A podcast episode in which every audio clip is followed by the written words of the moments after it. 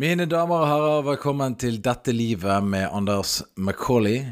Men Jonas Bergland som fast gjest. Dette er en podkast som Det handler om livet. Den handler om religion. Den handler òg om matoppskrifter. Eh, Jonas er jo som kjent veldig glad i å lage mat. Eh, kaker og strikk. Alt får du i denne podkasten her. Eh, hovedsakelig kvinner er det som lytter på denne podkasten her. Hvis vi kommer litt nærmere inn på demografi og andre ting, tips og triks som jeg har fått ifra min sånn podkast-plattform-ting, at hva- vi bør Altså hva som selger der ute. Vi har samme nedslagsfelt som eh, Norske Ukeblad og Hjemmet. Den stemmen du hørte nå, er ikke Ingrid Hovli Espelid, eller hva de het. Heller ikke hun er der fra TV God morgen TV 2 Norge. Vår Staude. Nei, det er hun der som lagde mat der. Jeg husker ikke hva hun het. Hun ble Wenche. Wenche, ja. Ja, hun, ja, Venke, ja. ja. Hun fikk Hun er ikke like husholdsnavn som Ingrid Espelid. Nei. Hun, hun på en måte coinet hele det der kjøkken, TV-kjøkken-opplegget i Norge. Og skal jeg være helt ærlig eh, Jeg er stor fan av Ingrid Ho Hovli Espelid, hvis det var, det var den hun Espelid Hovig. Ja, det hun het.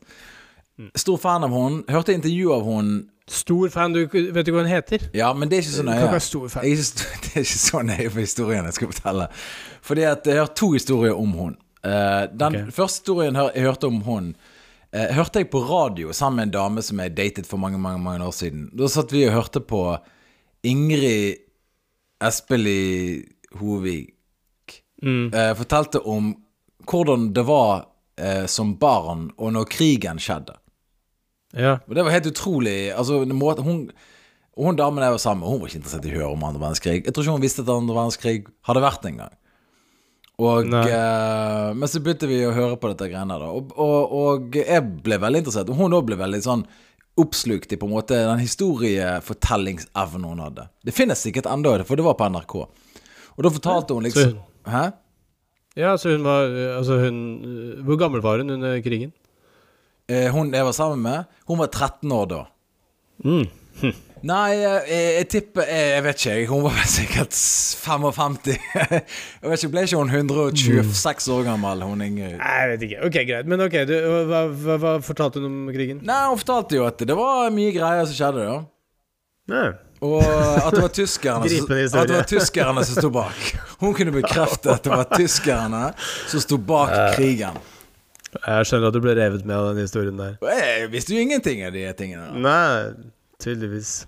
Ehm, jeg eh, har fått høre For jeg vet Altså, jeg har jo ikke Dette, dette er jo selvfølgelig fordi jeg har fått høre Man har jo fått høre ting. Altså, det Mesteparten av informasjonen man har, er jo bare ting man har fått høre eller lest. Det er veldig lite førstehånds måte, bevitnelse. Men den der parodien til Trond Kirkvaag eh, jr., den derre 'Så har vi juksa lite Ja, grann', ja. det sa aldri hun. Hun Han gjorde det første gang han parodierte henne. eh, fordi at eh, han hadde lagt merke til at hun hadde jo egentlig lagd den retten eh, i forkant. Ja, ikke sant? De hadde ja. ikke tid til å se på at du lagde all maten. Det er ikke tid til det. Så han som starta å si 'så har vi juksa lite grann', så begynte hun å si det fordi at parodien var så god. Ah, det er gøy. Yeah. Men hun var en yeah. sånn type dame som på en måte eh, Hun virket uskyldig og, og Eller ikke altså, ikke uskyldig, men hun virket liksom som om hun på en måte Hva skal jeg si Ikke tok så mye plass i verden. og ville nå bare gjøre et ærlig stykke arbeid. Eh, men så viste det seg at eh, ikke bare var hun, Hun var på i krigen. jo, Hun var i krigen der og fortalte eh, vakre historier om familien sin og ting som skjedde. Og Det var helt vanvittig interessant å høre på. Selv, det var bare et vanlig liv. Altså, dette livet hennes var interessant. Men så når jeg begynte å jobbe i NRK i P3, da var det han ene fra 70-tallskameratene på Lille Lørdag. Husker du han som var bergenser av de folkene der? Ja, som var gjedda. Gjedda, ja. Stemmer. Ja, ja. Jeg tror kanskje jeg har fortalt det der før, men whatever. Uh, det er 70 opp- episoder siden. Men i hvert fall, da fortalte han at uh, når de begynte i NRK, hele den gjengen der, Da ble de plassert ute i en brakke utenfor NRK-bygget. Det- De vil ikke engang ha de inn i bygningen. De, NR de der Tweed-folkene, sant. Altså de NRK-folkene som gikk i dress eh, på jobb fortsatt. sant? De som var på vei til å pensjonere seg eh, på 1990-tallet. De var liksom på slutten. Briller med sånn horninnfatning. Ja, hele den pakken der. Og da viste det seg at eh, de vil ikke ha det i bygningen. Og så var det som at eh, de kom liksom eh, slaskete kledd, og at de, de liksom De skulle nå holde døren. Det var veldig mange som klagde på at ikke de holdt døren for folk. Ja. Det var et kjempeproblem i korridorene på NRK. Eh, gamle, gamle menn. Nå snakker vi om gjedda og, og Harald Eia. Alle de der gutta der. Excel-gutter og sånt. Ja. Og da fortalte eh, de, Det var sånn julebord eller en sånn samling da, for hele liksom, NRK. Der liksom de Ja, det var den der nye generasjonen som hadde kommet inn. Ja, de, de måtte på en måte vise litt mer respekt og holde, lære seg å holde døren for de som hadde vært lenger enn de, og liksom den typen der.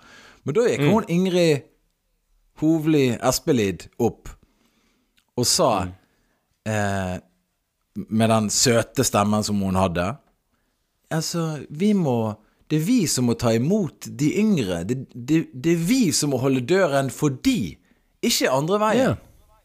Og alle bare sånn Og ingen tørde jo si noe, sant? for hun, hun, altså hun var jo en nasjonal skatt. Sant? Altså, jeg antar at hennes begravelse var på statens regning. Men, annet, noe annet skjønner jeg ikke i det hele tatt. Nei. Hvis ikke det, så kommer jeg til å gjøre en sånn GoFundMe der vi tilbakebetaler familien hennes de utgiftene. Ja, det blir jo Det syns jeg du skal gjøre. Og de tweed-folkene i NRK, det var, ingen, det var ingen av de som sa sånn Ja, men du må jo skjønne det, Ingrid. Alle bare sa OK, hun sa det, da kan ikke vi si noe mer. Det var Sånn var det.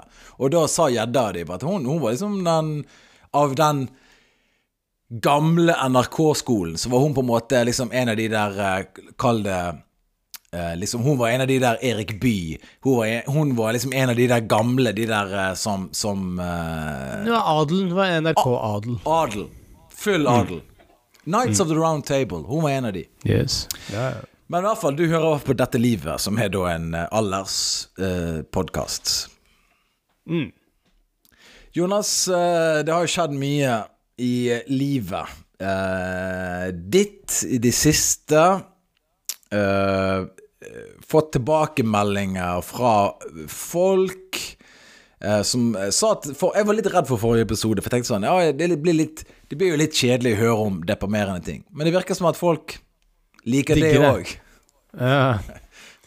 Jeg var litt redd for Altså, det var vanskelig. Jeg var redd for at på en måte eh, Felles venner av Glenn og meg som da hører på podkasten, syns det var på en måte at, vi var sånn uverdige i måten å ta i det på, da. Men jeg syns det ble en ålreit balanse, og jeg, jeg føler at det ble, ble tatt i på riktig måte. Men det var tilbakemeldingene på mail og sånn, har du fått noe? Ja, altså Her er det en som skriver, det er Line skriver. Kondolerer. Og takk for den siste episoden. Inspirerte meg til å ta et stort livsvalg som jeg har nølt lenge med. Dere er fine. What? What? Stort livsvalg? Hun har tatt et stort livsvalg. Vi vi- vi vil vite hva slags livsvalg. Line, hva er livsvalget her? Du kan ikke bare si 'jeg har tatt et stort livsvalg', og så bare sånn 'ha det bra'. Nei, det er ikke lov. Dårlig gjort. Det, det blir jo som å si uh, Oi, uh, det, kom jeg, uh, du, det fikk meg til å tenke på noe, og så bare løper man av gårde. Mm. Hva, var det, hva tenkte du på nå? Og så Det er ringe på stikk-av-versjonen av mail. Dette her er slå på ring, eller hva de, nei, hva de kaller det? Ring, Ring og spreng. Mm. Ring oss. Vi gjorde Jeg vet ikke om jeg gjorde jo, Jeg gjorde sikkert det. Jeg gjorde alle de tingene. Ja. ja. Ok, nei, men det jo, var jo veldig hyggelig, da, at eh, vi har inspirert til å ta livsvalg. Jeg tror ikke vi har gjort det før. Jeg har aldri inspirert noen til noen valg. Nei. Jeg har ingen Men at vi inspirerer folk, det er jo ganske nytt, føler jeg. Ja. Noe mer mail? Er det noen som um, Kanskje Jeg vet ikke. Jeg vet ikke hva det, hva det skulle være. Jeg ehm, Det var jo helt først på slutten av episoden at jeg sa navnet til, eh, til eh, da min venn Glenn, som, som døde for eh, en uke siden. Ja. Um, Og så fortalte jeg at jeg skulle jo da i en sånn uh, samling hvor vi møttes med kompiser og, og, sånne ting, og det var veldig rart å være der. Uh, og ja.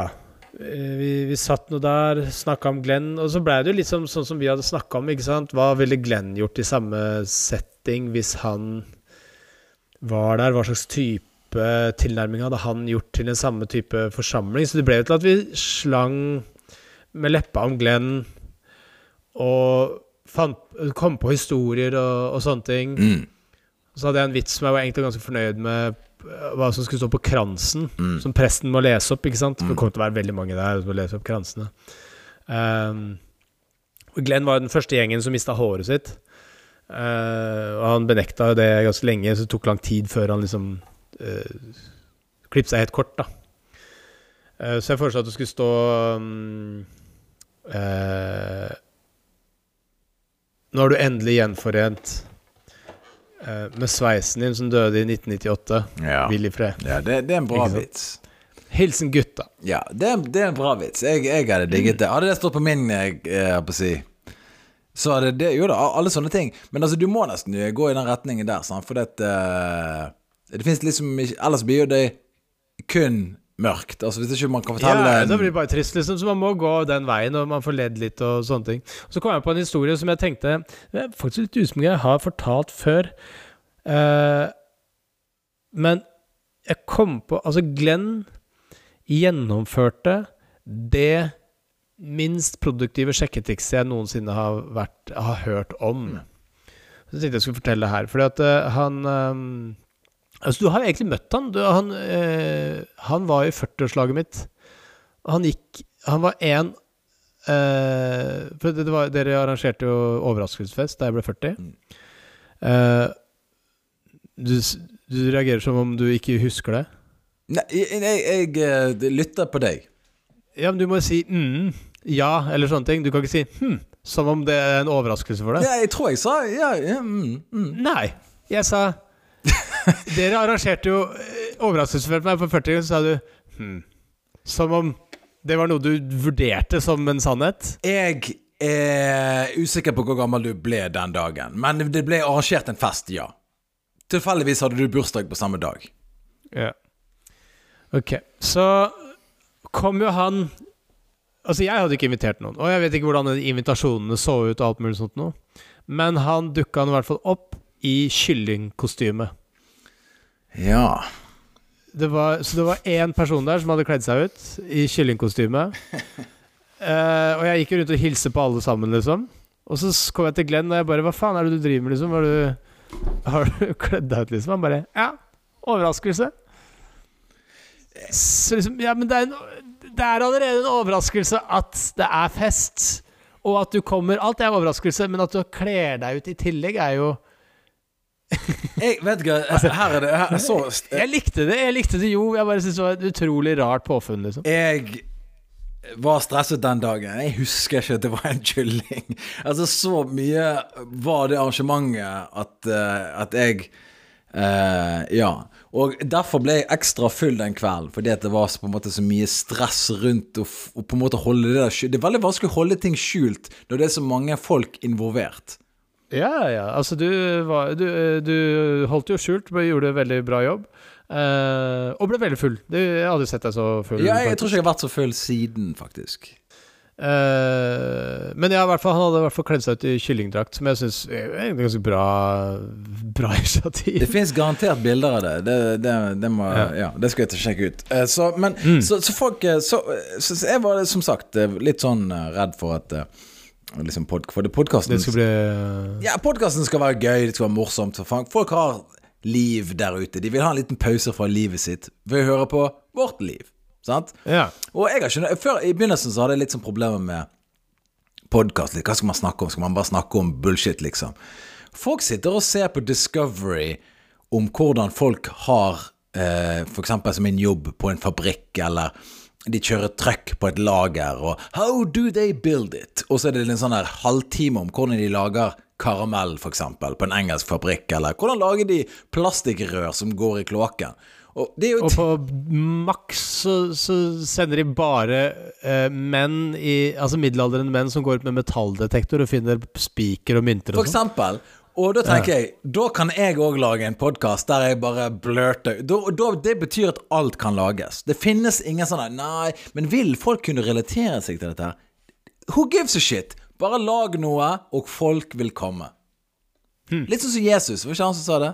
Build it in the Jeg tror sikkert det han sa. Men hva, hva er det du skulle si nå? Altså, for du trodde at det ikke var bra idé å snakke om Nei, ikke det var idé, men altså, det var, vi var jo i tvil om vi skulle gidde å lage en podkast den dagen eller ikke. Og så er det Ja, sånn, altså, vil det- folk høre på om det? Folk vil høre om det. Og eh, for eksempel Ja. Linn skriver til oss her. Hei på dere. Så fin episode i går, altså onsdag. Mm. Podkasten deres rommer alt hva livet til tider tilbyr oss, og som vi må stå i så godt vi kan. Eh, Jeg sier det igjen. Takk for at podkasten deres finnes. Hører du dette? Dere er skikkelig snåle, som vi sier her i Grenland, Jonas. Fortsett yeah. å kjøre den bilen du har, og ikke gi etter for de som ergrer seg over Toyotaen din. Og, og An. Anders, sjekk ut Jesper Pus på Instagram, og se hva slags puseliv Jesper og Kasper har. Ja. Det har du sikkert sett allerede. Sk Og så skulle du trenge klypesnor til vinterhansken, så si ifra. Ja, Linn, jeg vil ha klypesnor til mine hansker, som jeg konstant mister hele tiden. Jeg tar gjerne imot det, eh, om mulig. Um, før uh, Før uh, Nå er det to ting som, uh, som skjer Det er mange ting jeg skal si, men én ting er jo eh, Jeg har ikke kommet til det sjekketrikset til Glenn ennå. Nei, det var det. Vi spurte av det. Um, Men ok, ja. tilbake til den. Men uh, uh, Så han satt på Frognerseteren uh, T-banen på vei ned fra Holmenkollen mange år siden. Ja. Eh, før han gifta seg og, og fikk barn og sånne ting. Og så satt han overfor en eh, jente som så veldig pen ut, og hun så veldig pen ut i tøyet, så han regna med at hun kanskje var fra Holmenkollen. For denne banen gikk jo da ned fra Frognerseteren via Holmenkollen og nedover mot Majorstua, Nationaltheatret og sånne ting. Og så skulle han gå av på Nationaltheatret, gå over til tog, og ta toget videre til Holmlia. Så han skulle på en måte til den motsatte enden av skalaen for hvor hun kom fra, på en måte. Ja. Ikke sant? Så han tenkte at hvis jeg skal ha kjangs på henne, så må jeg jo virke som jeg er fra et litt rikt strøk. Jeg kan ikke være fra Holmlia, på en måte. Ja, ja. Så tenkte han Hvis jeg kan gi inntrykk av at jeg f.eks. er fra et bra strøk, så kan jeg jo Kan jo hun kanskje like meg. Eh, og Majorstua er et ganske bra strøk, tenkte han. Det er jo det. Er jo det. Så han, uten at hun måtte vise noe tegn til at hun skulle av, eller noe sånt, så reiste han seg opp, og så gikk han av på Majorstua. For at eh, hun skulle da Tro at han var derfra. Eller bodde der. Ja. Ja. Eh, ja og seinere Altså, hva, Seinere? Det er ikke noe seinere. Det var det. Var det. Det var Ja, men altså, sa det, det verste er at jeg kan relatere meg til de tingene der.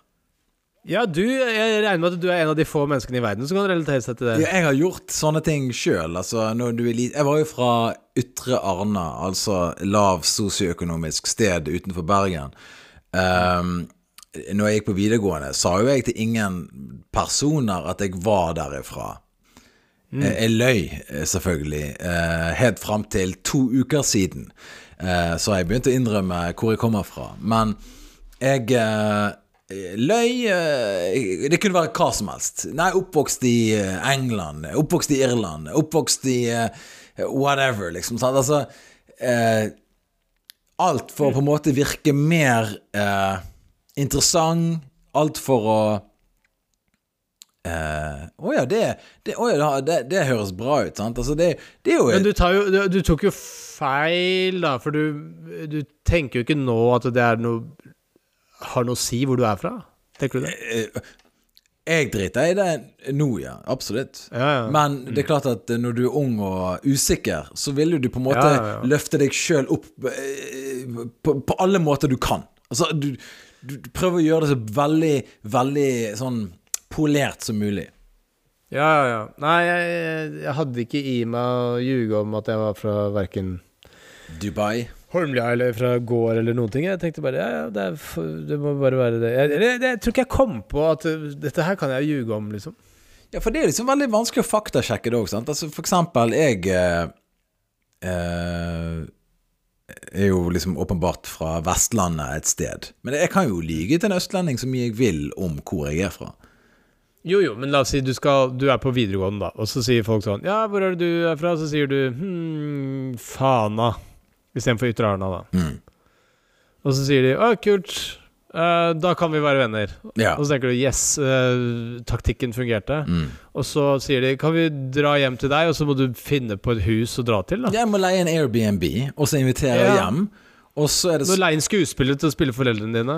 Ja, dette er jo faktisk mulig. I Japan så kan du faktisk leie inn en familie. Eh, Du kan leie Ja, kan en far, du kan leie en mor, du kan leie en hel familie. Og de, de kan du ha i to år, eh, ifølge Conor Bryan i hvert fall. To år. Ja, du kan ha en kontrakt i to år, der de måte du møter de så og så mange ganger i løpet av halvåret eller måneden eller hva det er for noe, og så liksom gå og spise middag og sånt, så er det liksom familien din. Altså, Japan, eh, den atombomben traff hardt. Ja, ja, tydeligvis det. Eh, Den har fucket opp, Um, den har fucket opp relasjoner til, mellom mann og kvinne, og ikke minst eh, pornografien deres er helt sinnssyk. Så, så den atombombe har ikke bare radioaktiv eh, stråling som, som på en måte er et problem, men det er òg de sosiale problemene som òg følger med. Åssen vet du om den pornoen? Jeg leste det i et magasin. Allers. Mye bra strikkeoppskrifter og kakebaking. Uh, ok, sjekketriks. Her har vi en uh, ny uh, mail fra Cecilie. Bivirkninger etter ivrig podkastlytting. Jeg har ikke okay. lest de her, de her i, i forkant, så jeg, her Her kan alt skje. Hei. Etter årelang lytting til Tusvik og Tønne, Bærum og Beyer, samt deres eminente podkast, ønsker jeg å opplyse dere om følgende personlige konsekvenser i mitt liv. Jeg har fått uforholdsmessig mye kunnskap om norske komikere, inkludert, men ikke begrenset til, et skråblikk inn i deres privatliv og vennskapsrelasjoner. Jeg drømmer jevnlig om en eller annen av dere, kjendiser, hvor jeg enten er deltaker i podkast eller prøver å bli venn med noen av dere. Ja. Eh, og så er det da punkt nummer tre som hun har. Hun skriver i punktvis her. Tre. Drømmer er lik ZZZ. Ja. Uh, jeg vet ikke helt hva jeg skal, hvordan jeg skal lese det, der, men ok, drømmer. Men når jeg våkner av en drøm hvor Henrik Todesen er skjønt enig med, med meg om at jeg er for gammel og stygg til å ha kjangs på Jonas, og jeg er lykkelig gift i våken tilstand, grunnet min alder, vekt og underliggende kroniske sykdommer, la oss bare si det sånn at noen, les jeg, må begrense ukentlig lytting en smule. Takk for en gøyal podkast. Ja. Ja, hva er det, hva er det hun prøver trappe ned på- Altså, hun er gift, men hun våkner av en drøm at Henrik Thodesen sier at hun er For gammel for meg. gammel og stygg. Altså, hun har skrevet da SCH-øgg, sant, stygg, eh, til å ha kjangs på Jonas. Skal, skal jeg være helt ærlig med deg, Jonas? Jeg, ikke, jeg skal ikke prøve det her er ikke et, Dette er ikke et spark mot deg.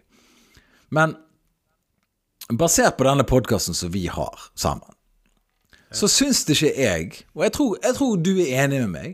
Jeg syns ikke du selger deg inn som en, et godt kjærestemateriale. For bare for å være helt ærlig. Nei, men nei. Men allikevel så kommer disse her meldingene her. Uansett, selv om du sier at du eh, har lyst til å drepe kvinner, og at du kanskje har drept noen i alkoholruset tilstand, og at du ja, du har lyst til å være aleine, og du har alle disse her quirky eh, tingene i livet ditt, og du vil på en måte ikke ha folk helt inn på deg heller. Så at Du er en veldig kompleks sammensatt eh, person, men likevel som du skremmer disse kvinnene bort, så kommer disse her liksom og blir sammen med deg, og at Tode som sier at nei, du er for stygg, og, de har likevel lyst til det. Kan du forklare dette her? Om jeg kan det, ja? Ja. Eh, tja, nei, altså, jeg tenker uh, Nei, jeg kan ikke forklare det. Okay. Jeg tror uh, er, jeg tipper bare er det legegreiene. Folk digger leger. ja det kan eh, Igjen. Jeg tror det er en cocktail. Er sikkert en cocktail. En cocktail. Jeg tror, Men, det, jeg um, tror legegreien Ja, ja. absolutt. Jeg vet ikke, det er Damer digger det der greiene der. Jeg har møtt eh, det motsatte kjønn, eh, og tilfeldigvis da utdannet eh, innenfor eh, legebransjen. Mm. Stort sett veterinærer, da, de jeg møter. Det er mest veterinærer. Jeg vet ikke hvorfor det er Ja. sånn. Jeg tror det er annerledes for kvinner. At de digger det legegreiene der. Jeg tror ikke menn er like sånn imponert over det. Og jeg, jeg, jeg, jeg mistenker at kanskje det er en sånn kulturell greie. For eksempel, jeg har en venninne av meg som er spesialpsykolog. Og når hun gikk på byen, så måtte hun si at hun var sykepleier for at menn skulle s- snakke Bli interessert? Bli interessert. Ikke at, hun, ikke at hun, hun var veldig pen og alle de tingene der, da. Men de ble litt sånn eh, akademisk utfordret. Sant? Du er, Av å være spesialpsykolog. La oss si du er tømrer, sant? og så bor det bort en dame og 'Hei, skal du ha en øl, eller?' 'Ja, ja ok, greit, jeg vil ha en øl.' Og så 'Ja, hva jobber du med, da?' liksom. «Eh, 'Nei eh, Eller de mennene begynner å snakke om seg sjøl først, selvfølgelig. 'Jeg jeg jobber som tømrer, da. Driver jeg for sitt eget firma da, sammen med andre folk.' 'Og ja, mye som skjer, og gjerne gode penger i kassen hver dag.' 'Å ja, hva er du, da?' 'Nei, jeg er spesialpsykolog.' Jeg må på do. Menn blir litt skremt av kvinner som på en måte kanskje tjener litt mer, og at de slår de på det kunnskapsnivået. Men man merker jo, hvis du snakker med Altså hvem som helst, da, som måtte ha en eh, på papiret høy utdannelse eller noe sånt, at eh, Altså Jeg observerer folk mer Det er morsommere å studere folk som på en måte har høy utdannelse. Eh, for at de er gøyere å se om de på en måte faller inn under en eller annen sånn stereotypi av noe slag. da. Så hvis du møter en eller annen som, eh, som presenterer seg som er jeg spesialpsykolog, liksom. Du kan bare si at du er psykolog hvis du legger til spesialpsykolog, f.eks. Eller Ja. hvis du sier at du er overlege. Alt det greiene der sånn. Så syns jeg er veldig gøy å på en måte da, Jeg retter meg ryggen for å på en måte eh, bli med samtalen videre. At de, jeg skal liksom Du er videre til eh, neste runde, liksom. Mm. Eh, bare for å, for å ja, studere hvordan de funker. Det er litt morsomt. Disse her eh, akademikerne kan være veldig eh, gøy å følge med på i forhold til hvordan de oppfører seg sosialt. Altså for eksempel eh, Jeg har jo møtt eh, alskens slag, og det finnes jo det selvfølgelig den eh, Jeg ja, må bare- nyse. Bare få den ut. Bare få den ut. Ja, men, eh, du ser på meg, da går det ikke. Nei, ok, jeg skal se vekk. Ja, Nå er jeg borte. Nå er det Ja, ferdig. den, det er kjipt når de er på vei til å komme, men du får kjenne ut. Nå kommer det. Helvete. Men hvorfor nyser ikke du skikkelig sånn ut? Hvorfor, jeg skjønner ikke hvorfor du holder Der, ja! Der! Der skal han være. Ah, Det er det beste jeg har vært med på på lenge. Akademikere. Noen av de selvhøytidelige og uh, på en måte klarer ikke å slippe seg løs. Og så har du noen som selvfølgelig klarer det. Du all, alle Det der med spesialpsykologer det, Nå la jeg ordene Men altså sånn Jeg er psykolog, eller bla, bla, bla. Ja. Menn blir litt redd kvinner, uh, tror jeg. Tror jeg. I forhold til Ja. at de har en uh, uh, ja, en høyere utdannelse eller en høy inntekt eller status, for eksempel. De blir statusutfordret. Jeg tror det er det det handler om. Ja, jeg syns jo Ja, jeg vet ikke. Jeg, jeg, jeg, jeg har jo aldri opplevd å bli statusutfordret, for jeg har så utrolig høy status selv. Ja, Så det har jo aldri skjedd meg, på en måte. Ja, jeg eh, Jeg vet ikke, jeg har aldri tenkt over Jeg blir liksom Jeg vet ikke, jeg har aldri liksom blitt eh, imponert på den måten. Altså, jeg ble Når jeg traff uh, Bård Tufte for første gang, uh, så var jeg imponert over statusen hans, eksempel. Jo, jo, men det er bare fordi du vet hvem han er. Men du har aldri blitt imponert av en tittel, liksom? Nei, det er ikke ingen som har sagt sånn derre Hei, jeg er en jarl i eh, Belgia. Jeg vet ikke om de har det. Ja, det hadde, det hadde jo vært morsomt, på en måte. Ja. Men eh, Nei, jeg vet ikke. Jeg har vel aldri møtt noen som eh, verken er adelig eller har hatt en jobb som jeg tenker sånn Ja, det var veldig imponerende, liksom. Men um, eh, Jeg møtte en fyr som, som er i Frimurerlosjen. Det synes jeg var litt artig. ja. Da tenkte jeg sånn han er sikkert litt høyt på strå og, og har litt sånn innpass i Frimurerlosjen. Så det var morsomt å prate med han om det, men Ja, jeg har møtt folk ja. i eh, Frimurlosjen, eh, altså Norges Illuminati, og uh, ikke, det er ikke så veldig vanskelig å være med i det, faktisk. Det, jeg, var, Nei, jeg, var jeg fant ut at det var, var sånn, en invitasjon. jeg var utrolig skuffet når jeg fant ut at liksom, Oi, det er så enkelt å møte reptilherrene våre. Ved å bare liksom du, Han var Kanmag-kandidat i historie, eller hva det var, whatever det Boom. Ja, men de har visst alt mulig Ja, det er alt mulig. har Det, det, det, er uutdannede mennesker som på en måte bare har en stor sjappe som selger madrasser. Liksom. Ja, du er frimurlosjen. Bare sånn «Oi, Nå kan du møte reptilen som styrer verden her. Oi, halloen. Og så eh, Jeg, jeg, jeg er ikke imponert over de greiene der. I hvert fall. Hun skriver videre, hun her eh, Cecilie. Ja, jeg er ikke ferdig med mailen. Nei. Til sist kan jeg nevne at jeg har fulgt Jonas sin karriere siden standupfestivalen i 2005. Og Oi, du er, en, du er en av mine favorittkomikere i Norge. Uh, Ja. I et av Dr. Bergland-showene snakker Jonas om en pasient som er nedfor, hvorpå Jonas stiller spørsmål rundt om det er noe mening med livet. Dette har vært et nyttig perspektiv i mitt liv, og uh, som jeg tenker du, Jonas, også kan ha nytte av å holde fast ved. Ref dine utfordringer du har vært åpen om. Altså eh, Hva er det, da? Jonas stiller spørsmål rundt om det er noe mening med livet. Og dette har òg vært et veldig nyttig perspektiv. Altså, også, det har fått hun til å tenke litt. Grann. Over hva som er meningen med livet. Ja. Jeg, jeg, Ja. det jeg syns er trist med det. Jeg synes, jeg synes det er trist at det er Jonas som får deg til å tenke over livet. Altså, du må jo ha tenkt tidligere i livet ditt bare sånn Er det noe mening med dette livet her, liksom? Det, det er jo et spørsmål man tenker seg tidlig i livet. Jeg, jeg, jeg traff Jonas her en dag, og nå har jeg begynt å tenke over livet. Jeg tror det Ja, så en, en eller annen må jo måte åpne øynene dine for filosofiske ideer, da. Ja. På, altså På et eller annet vis så er det jo den første Altså Det kan være hvem som helst det, liksom.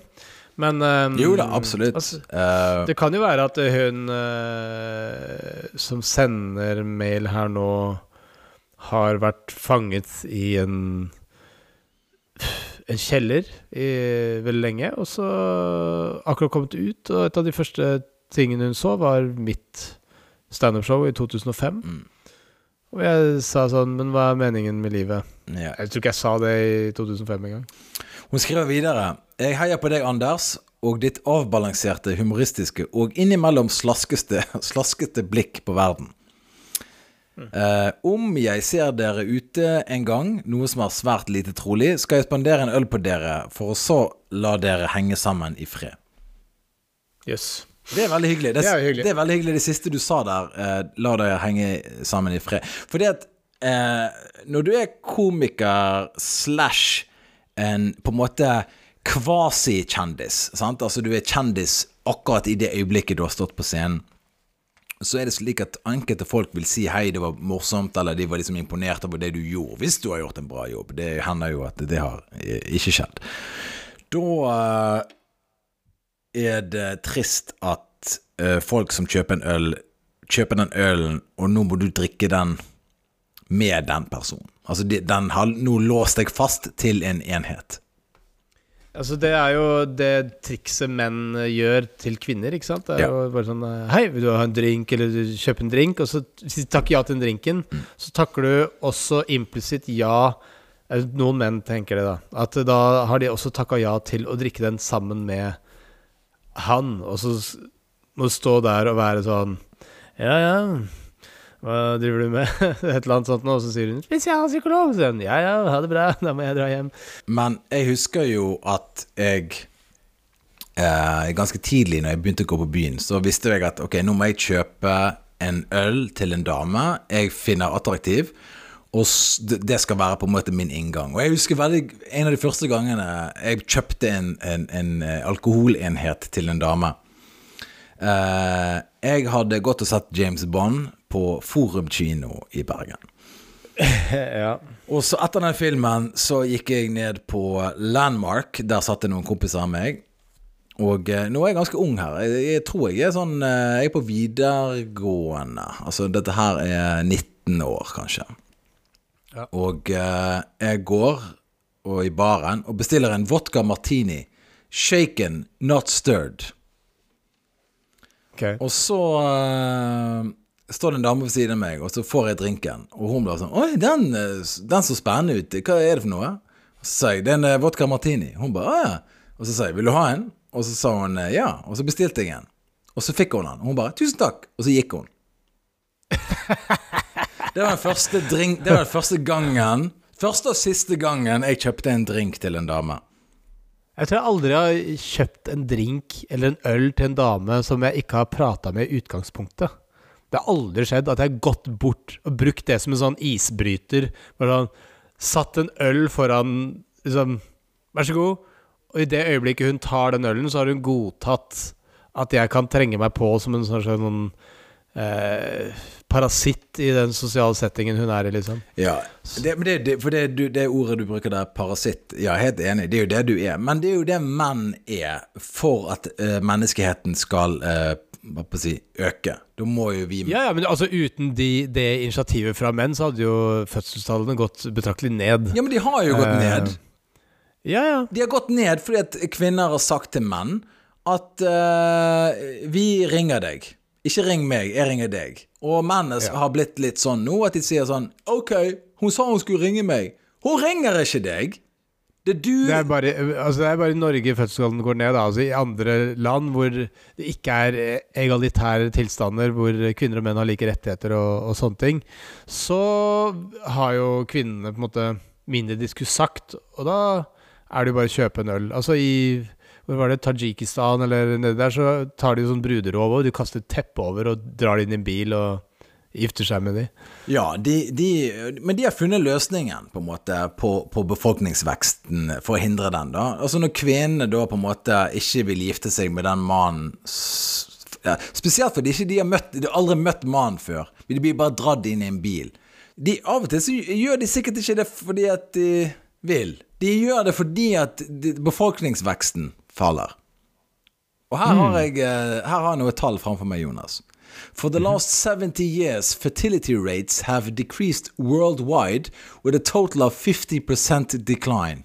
Jeg tror ikke du skjønner hvordan du skal tolke de tallene. Og her står det Reason is because women are not into men anymore as much. Står det. Det står her. Eh, hva er kilden din? Uh, dette her er fra Det står her at Men is not buying any more drinks for the ladies. World Economic Forum, står det. Yeah. There was this one guy who bought a vodka martini shaken not stirred for a lady many years ago, but since that that time it's been a steady decline. Ja, det er sprøtt. World Economic Forum sier at det er 50% nedgang de siste 70 årene, Jonas. Er det nede i Davos der, hvor alle disse statslederne møttes? Det, det her, dette er fra Illuminati itself. Ok? Men eh, nei, altså jeg har aldri, aldri kjøpt en øl eh, sånn til eh, en dame. Eh, det eneste jeg har um, vurdert, er å gå av på Majorstua, T-banestasjonen, og tenkt at det, det, det får holde. Ja, Så det har jeg drevet med i alle år. Gått av på Majorstua, tenkt at folk skal følge etter. Det blir en bevegelse. ja, men altså, jeg for eksempel, jeg har jo pleid å ta trikken, og så bare med en gang den uh, Så passer på at den stopper utenfor en gullsmed, og så løper jeg rett fra trikken inn, inn på en gullsmed. Med en gang. Den stopper. På Hva du inn der og gjøre? Nei, for sånn at folk ser på trikken at å ja, han har sikkert penger, for han skal inn og kjøpe gull. Ja, at det liksom Men det er veldig rart at du løper. Yeah. Jeg, jeg føler liksom at det er folk som har utrolig god råd. For det første, de tar ikke trikken. For det andre Faen. ehm, De løper ikke. De, De har- de tenker han skal inn og selge noe gull. ja, ja, Han har stjålet gull for besteforeldrene sine. Gammel nazigull. Og nå skal han uh, selge det.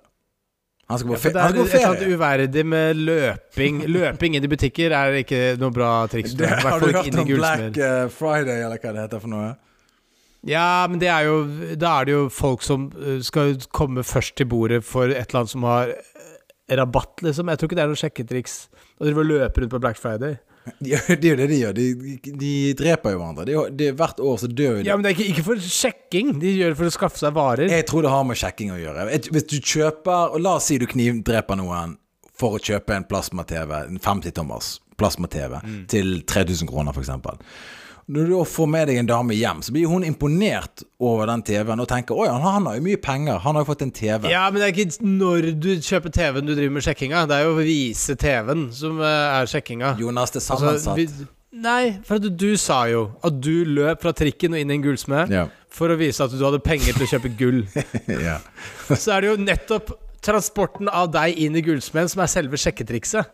Ikke å vise gull seinere. ja, men nå har jeg endret uh, forklaring til at jeg knivdreper noen okay. på Cyber Tuesday for en TV. Ja. Dan mente at jeg burde ja, nå, nå blir det rått. Du du, du må skaffe en handleliste til Black Friday. Mente han at jeg burde gjøre. Fordi at uh, det kommer til å bli så bra tilbud. Jeg bare Jeg skal ikke ha noe. Bare, jo, jo. Du må bare sjekke hva du trenger. Jeg bare Jeg trenger ingenting! Jo, jo, det, er- det er garantert et eller annet du trenger. Ja, men Hva skal du gjøre? Skal du springe inn på en Mac-forhandler og kjøpe deg en ny eh, eh, Nei, selvfølgelig ikke. Jeg skal ikke ha noen dingser. Jeg, jeg vil jo ha mindre ting. Mindre ting vil jeg ha. Ja, men, øh, Um, Du vil ha Hvorfor hvis du øh, Ja, ja, ok. Du vil ha mindre ting. Uh, skal selge tingene mine på Black Friday. jeg uh, så en uh, alkis i dag. Ja. Jeg satt på toget, og så var dette her en uh, da, Det var en dame, da, som sikkert Jeg tipper hun var lesbisk, fordi at hun var kledd veldig lesbisk. Altså Ja. hadde prøvd å kle seg ut som en på en måte tøff eh, en mann med Adi- Adidas joggebukse og skinnjakke? Nei, dongeribukse, skjorten ned i Dungeribuksen, dongeribuksen, belte. Eh, sånn skinnet på siden, langt på toppen. Ja, men det er jo vanlig hipster-stil. men det var en sånn lesbisk vibb eh, med det. Okay. Og den personen der er sikkert eh, glad i rus, tenkte jeg. For det ansiktet så litt sånn ut. Sånn at du vet, de får et sånn rød De blir sånn rødlige i trynet sitt når du har et rusproblem. Ja. Alderssegment her? Ja, jeg tipper gammel er du? 50. Ja, okay. Mm. Og så når jeg da skulle av på toget på stoppet etterpå, for det var lite folk, den personen sto der, gikk av, og så var det et stopp eh, et par minutter seinere. Da gikk jeg bort til samme plass som den personen hadde stått. Og da stinket alkohol. Ja. Altså den hadde den, Bare det kort Den lille stunden den personen sto der, hadde nå luktet hele den på en måte inngangen til toget eh, med alkohol. Og da tenkte okay. jeg liksom sånn Hvis det skulle vært en alkoholiker, hvor jævlig det må være å være en alkoholiker i Øst-Europa? Altså Sør-Øst-Europa å være alkis. Det må være en jævla kjip plass å være alkis i, i et type østblokkland. Hvis jeg skulle vært en rusmisbruker eh, av noe slag, så ville jeg vært i Norge. Eh, det er tipset mitt i dag. Jeg ville, vært, hatt min, jeg ville hatt mine rusproblemer i Norge. Nei, fordi at du får for eksempel sikkert bedre stønadsordninger. Jeg tipper du, du får visst litt ekstra penger hvis du har en hund. Eh, og eh, det her med at du eh, Bedre ordninger. De vil liksom kanskje at du, De vil på en måte prøve å fikse deg på en måte. Det virker som her nede så tror jeg det er litt sånn Oi, du er alkis, ja. Ja, men da var det det du fant ut at du ville bli. Nei, men det er jo bra å være alkis i nedi der. Det er jo eh, for det første litt varmere, og du slipper å bruke penger på strøm og sånn. Um, og Ja. det er jo billigere alkohol også. Så mye, altså økonomisk sett så er det mye bedre å ha alkis i Slovenia enn i Norge. Jeg er enig med alkis på en måte selve konsumet, da. Eh, bra å være alkis rent sånn konsummessig. Men hvis jeg skulle vært på en måte en alkis, så ville jeg hatt, hatt et bedre sikkerhetsnett rundt meg med alkisproblemer. Jeg ville betalt litt ekstra for vodkaen min. For å ha et sikkerhetsnett rundt meg som på en måte Hva slags sikkerhetsnett er det du trenger? Nei, for eksempel, eh, for eksempel Nav, da. Hvis de ser at du på en måte Å ja, du, du stinker alkohol hele tiden. Eh, Vi har et program du kan gå inn i, for eksempel, som er staten. Ja, men det programmet er jo laga for at du skal slutte å drikke. Så det blir veldig vanskelig å være alkoholiker da, hvis du skal drive og bli motivert til å slutte å drikke hele tiden. Ja, ok, så det er det en Nav prøver på. De, de vil ikke på en måte eh, eh, hjelpe deg bare sånn i livet. De vil Får du sikkert noen stønader, men du får sikkert noen stønader i Slovenia, tror du ikke det? Du har jo, det er jo tidligere sosialistisk eh, kommunisme og noe greier der, er det ikke det? Jeg vet ikke, jeg har ikke prøvd det. Du har ikke prøvd Slovenia? Nei, jeg har ikke prøvd å være alkis her nede ennå. Ja, men Kan du ikke prøve det litt prøve det til neste gang, da? Se om du får noen stønader. Her er det jeg kan gjøre. Jeg kan legge meg dritings nede i en grøft, og så se hva som skjer. Har du, har du drukket siden sist jeg prata med deg? Eh, jeg har drukket siden sist, ja. Det, det stemmer. Ja, ok. Har du fått deg venner? Du har tendens til å stille det spørsmålet en del ganger, og jeg lurer på om eh, hvorfor du gjør det. Fordi at Har det noe Har det her noe med din egen studietid å gjøre? Nei, jeg bare lurer på om du har fått deg venner. Ja, altså vi, vi, Jeg er jo kompis med de som jeg studerer med, og noen eh, som begynte litt før oss òg, som på en måte er på vei til å bli ferdig, og den slags. Så Ah, ekte, ordentlige piloter. Ja, altså skikkelige piloter. Eh, ikke sånn Ja, eh, Russ, russepiloter. Altså vi Ja, de som, ja, de som har på en måte eh, Kjører de rundt i sånn rødt fly med masse skrift på? Ja, de er sponset, sponset av Rema 1000 alle sammen. Eh, ja da, nei, så det, det, det er folk her nede, liksom, sånn uh, til å drikke og spise og alt mulig sånt. Men det er veldig liten tid til uh, sånne ting. Eller jeg tar meg i hvert fall veldig liten tid til det. Ja. Så, så, så sånn er det. Men det er nok av vannhull her nede til å, på å si, ødelegge livet sitt. Så det, det Hva koster en øl? rundt 30 kroner, tipper jeg. Ja. Ja, jeg, ja du kan du garantert finne Jeg har syklet forbi noen buler der jeg tenker sånn Helvete! Dette her er hvor drømmer ender, på en måte. Her. Har du sykkel? Jeg har kjøpt meg en sykkel, ja. Har du kjøpt en sykkel? Åssen sykkel? Jeg har kjøpt meg en sykkel så du kan eh, legge sammen. Altså en sammenleggbar sykkel. Har du lagt den sammen? Jeg, har, jeg legger den sammen hver dag. Ja. Tar du med inn i klasserommet? Tar med inn i, på toget, så klapper jeg den sammen. Setter den liksom inn i et hjørne. Sånn at den tar. Tar du tog? Jeg tar tog. Hvor ofte da? Hvor ofte? Nei, jeg må jo ut til en flyplass for å fly disse her flyene. Ja Fordi at de kommer ikke inn i byen og henter deg med fly. Det er for dårlig. Altså, når du først kan fly, så kan du kunne hente folk inn i en by òg. Men, eh, ja, men altså, det går jo an. Det går jo an, eksempel Du vet CIA, de utviklet jo på eh, seint 60-tallet noe som heter uh, hot uh, Hva de kalte det? da? Hot, uh, hotspot, eller eller- De kalte det et eller annet sånt. Det var det at de Etter de hadde sendt inn f.eks. etterretningsoffiserer osv. inn i forskjellige oppdrag, og for å hente de ut, da, så var jo det veldig vanskelig, sant? for du kunne lande med helikopter. De gikk jo ikke. Så det de gjorde, eh, det er at eh, personen hadde med seg en eh, oppblåsbar Altså en, en ballong, da, som gikk opp i luften med tau. Ja. Og så kom det et fly med da en slags ved eh, Se for deg en sånn Ja, sånn to horn, da, som på en måte kjører inn i det tauet. Og så drar det med seg da personen opp i luften. Og så ja. spoler de den Så omvendt fallskjermhopp, liksom? ja, det kan du si. Altså, for å hente folk inn igjen, da, fra f.eks. Uh, dette blir brukt f.eks. i James Bond-filmen uh, Thunderball i slutten. Da Da blir han hentet midt ute i sjøen av et fly. Apropos film og, og ting. Mm. Uh, har du hørt om Maria Louise Cruz? Det ringer en Ringer en bjelle. Bjelle? Jeg si, men, Ringer det en bjelle hvis jeg sier Sachin Littlefeather? ja, det, eh, jeg vet men, men dette har jo du snakket om før. Nei. Det, dette her har jo med han og Marlon Brando å gjøre. Ja. Eh, Nå, kommer, nå, kommer vi, nå skal vi videre til Marlon Brando. Marlon, uh, ja. ja.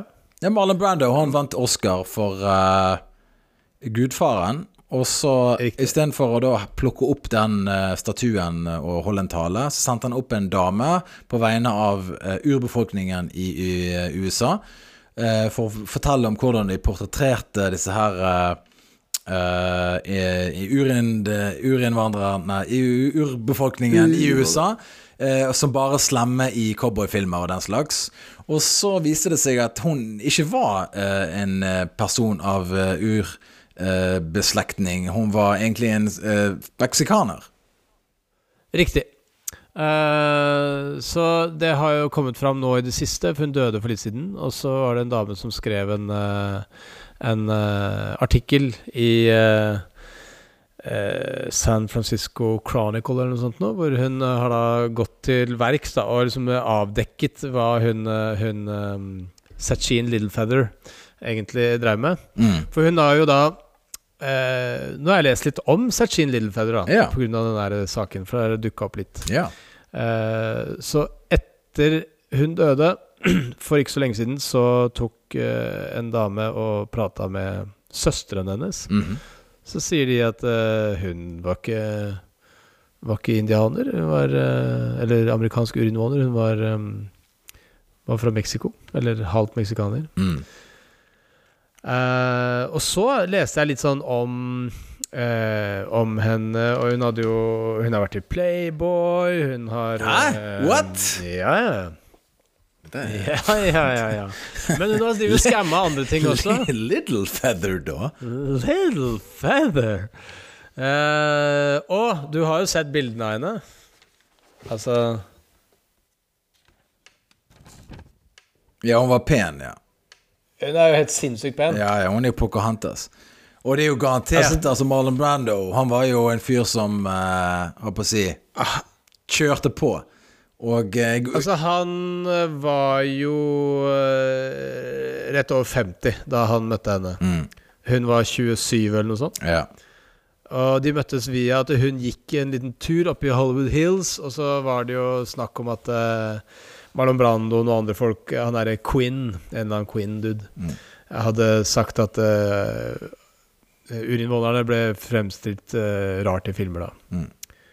Og så hadde hun møtt Frances Ford Coppola, hun er Little Feather. Og så hadde hun eh, sagt eh, Du kjenner jo Marlon Brando, kan ikke du gi han dette brevet? Hun gikk rundt med et brev Mm. til Marlon Brando.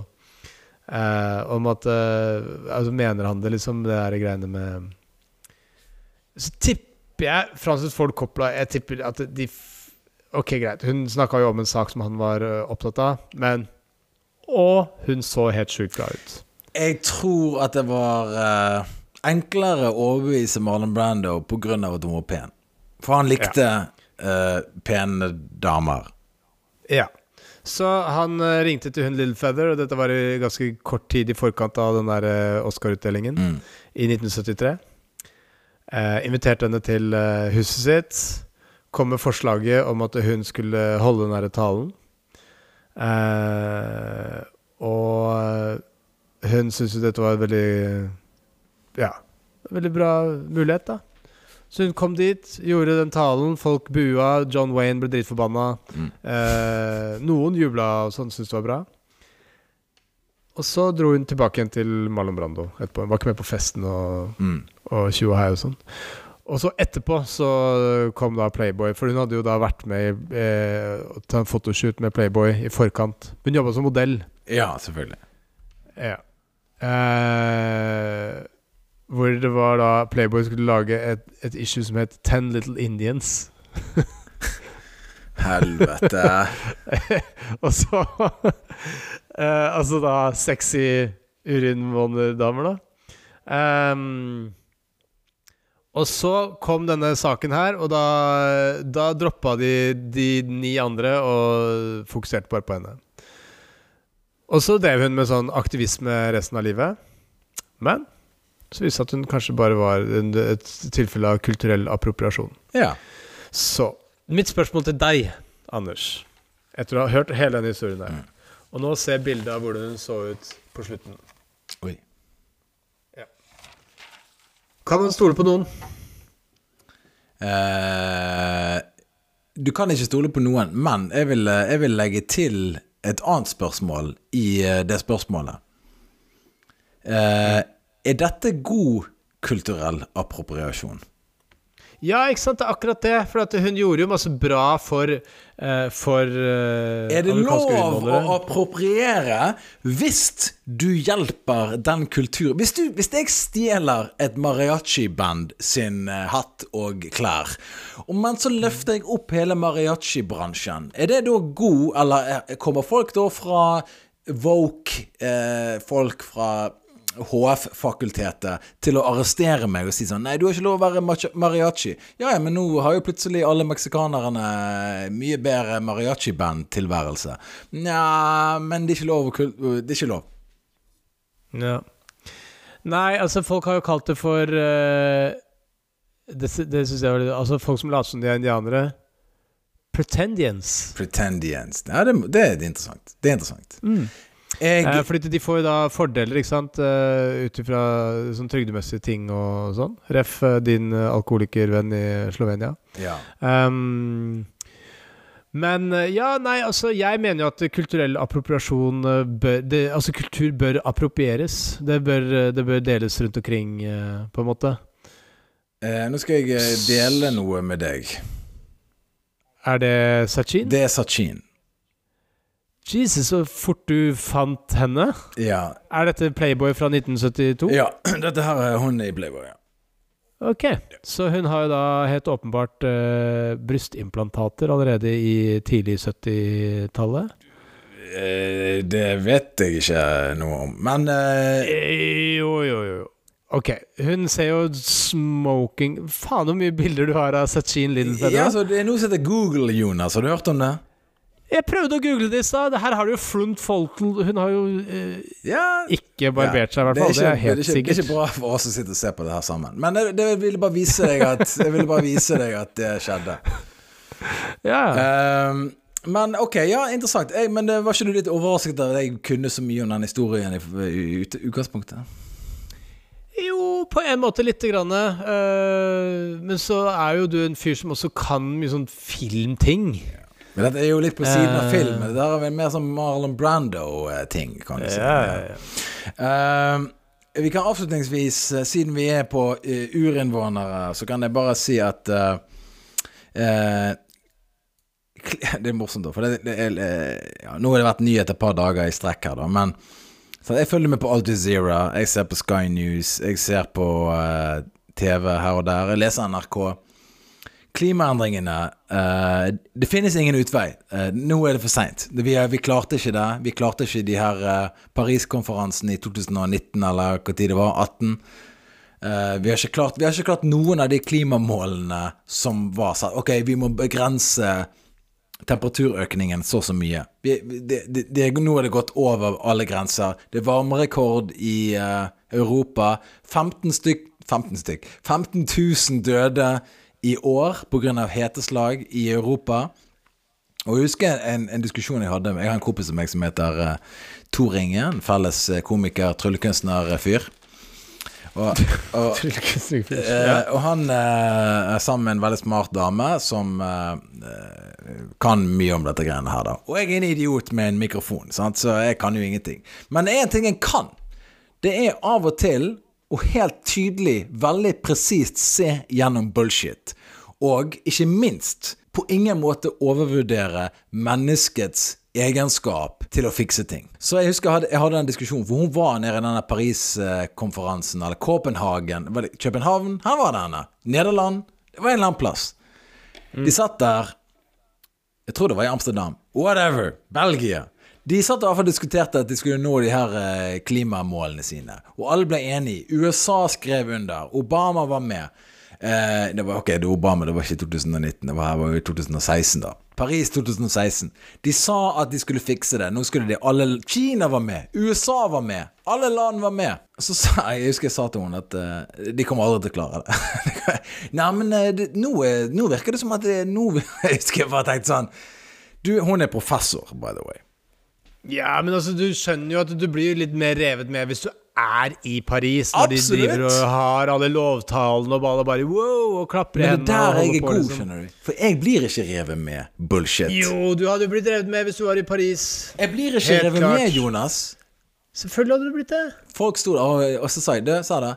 Hvis du tror at mennesker er løsningsorienterte, og at mennesker som tjener penger, bryr seg om fattigere mennesker når det begynner å bli litt tøft for den andre Jeg brukte eksempelet som jeg alltid bruker. Hvis en person er vant til å fly business class eller første klasse, så går ikke du tilbake til økonomiavdelingen. Sånn funker ikke menneskeheten. Bare, ja, men eh, nå kommer det til å bli eh, De kommer til nå det der 1,5-gradersmålet sitt, eller hva det var for noe. Så sa jeg Ain't gonna happen! Og til og med, jeg husker det her veldig godt, når pandemien var på sitt absolutt sånn mest låste, når vi hadde låst alt India var låst, Kina var låst, det var ingen fly, det var ingen båter, det var ingenting. Og da husker jeg det var en sånn her klimadude som gikk på og sa det at til og med sånn som det er nå, det er ingen fly, det er ingen båt, det er ingen transport av goods rundt i verden, til og med dette er ikke nok til å senke eh, det der eh, 1,5-gradersmålet som var. Og jeg husker jeg tenkte sånn Ok, da kommer det aldri til å skje. Nei, nei. Jeg har ikke noe å si eh, på det. Jeg er null overraska over at det ikke gikk sjøl. Du ser hvordan det er nå. sant? Altså, Vi skal boikotte Russland. eh, Med, med, vi skal ikke kjøpe noe fra de lenger. Vi skal ikke kjøpe gass. vi skal ikke kjøpe... Og nå har strømpriser og gasspriser og alt gått opp i luften der. Ok. Og det kommer folk til å tåle en liten stund, men til slutt så kommer folk til å si sånn Du, nå er jeg lei av å betale så høy strømregning. La Russland få Ukraina. Jeg må skru opp varmen her. Det er det som kommer til å skje. Folk gir faen til slutt. Sånn er det bare. Ikke kjøp dritten. Det er bare det jeg sier. Jeg er for Hei, hjelp klimaet. Isbjørner må ha mer is. Absolutt. Men det kommer ikke til å skje. Eh, har, vi, eh, har vi et spørsmål til lytterne? Jeg syns det var et bra spørsmål jeg kom med i dag. Det var den der at eh, Er det greit å kulturelt appropriere hvis du hjelper den kulturen du approprierer? Ja, det er et bra spørsmål. Det er et bra spørsmål. Send svaret ditt inn til Instagram eller gmailen vår.